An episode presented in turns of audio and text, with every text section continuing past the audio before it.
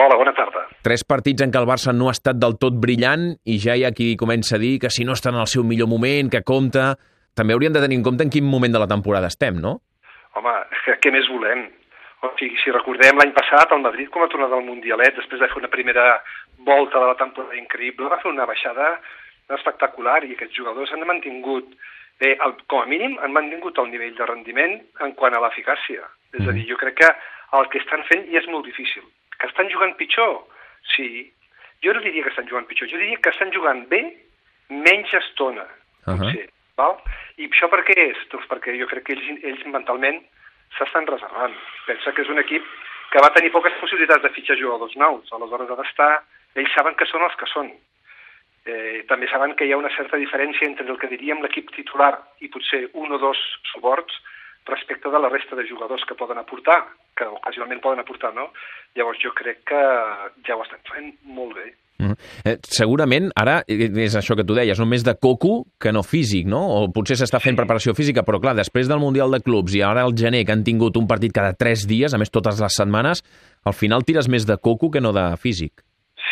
A mi el Coco em preocupa relativament, perquè són jugadors molt durs, són jugadors amb molta experiència, i, i jo crec que precisament l'altre dia de l'Atlètic de Madrid, que, que una mica se'ls criticava que no van anar a matar el partit, Mm. jo crec que va ser una decisió intel·ligent.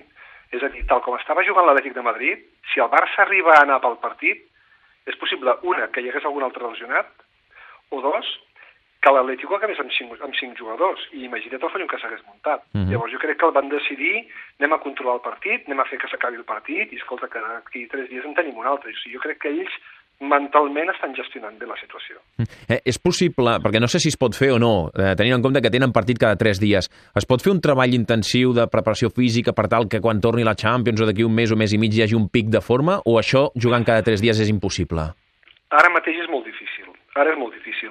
Si anticipadament l'entrenador parla amb el preparador físic quins són els jugadors que, que descansaran, es pot mirar de fer alguna cosa, però és molt difícil. Primer perquè els tres grans jugadors no descansen mai. Mai. Eh? Aleshores, eh, el que estan fent, jo crec, és eh, donant descans en les rotacions i que aquest descans serveixi de regeneració.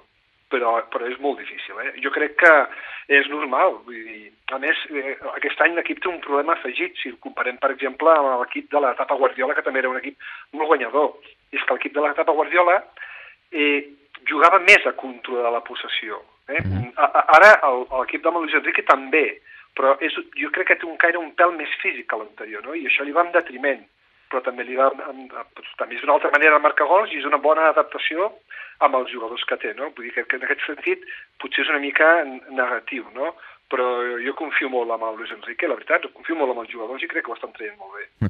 Ara el pròxim mes torna a ser igual, perquè tot el mes de febrer hi ha partit intersemanal, per tant, cada tres dies. Eh, tu no et poses nerviós, no encendries els llums d'alarma, és a dir, ho sabran regular, ho sabran, arribaran, o hi ha el perill Sí. de no arribar?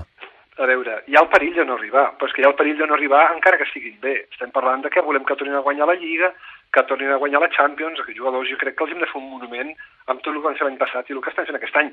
El perill de no arribar està sempre. Llavors jo crec que el que hem de fer, sobretot el soci, donar-los suport perquè els jugadors s'estan entregant tant com poden. Jo crec que en aquest sentit el perill de no arribar existeix, mm, però jo crec que de moment ho estan fent bé. I per tant, eh, allò, eh, entendre quan aquells moments que sembla que desconnectin o que sembla que va- vagin caminant, perquè dins del mateix partit a vegades ells mateixos són els que regulen els esforços, Sí, no? sí, exacte, perquè saps què passa? Que amb handbol o en bàsquet això no passa, perquè quan el jugador està cansat el sentes i després el tornes a posar. Mhm. Però el jugador de futbol ha d'aguantar tot el partit. Llavors, eh, a vegades jutgem els, els futbolistes amb uns criteris d'altres esports quan eh, el futbol és molt especial i és molt particular, no? Aleshores, eh, és possible que hi hagi un problema, un problema físic, això no, no ho podem eh, evitar, no ho podem evitar perquè no hi ha temps per entrenar i per millorar, Mhm. Eh, no és una errada de planificació, perquè la planificació es fa després de veure el calendari, i el calendari és el que és, i és un problema amb el que han de, han de lidiar tots els equips que volen guanyar tot. I esperem que el Barça se'n surti. De moment, a nivell de resultats, a nivell numèric ho està fent. És veritat que les sensacions potser no són tan rodones, però en tot cas no ens hem de posar nerviosos perquè és inevitable tenint en compte la tralla que tenen aquests jugadors en els últims dos mesos. Xesco Espar, gràcies per ajudar-nos a entendre tot plegat i bona tarda. Molt bé, bona tarda.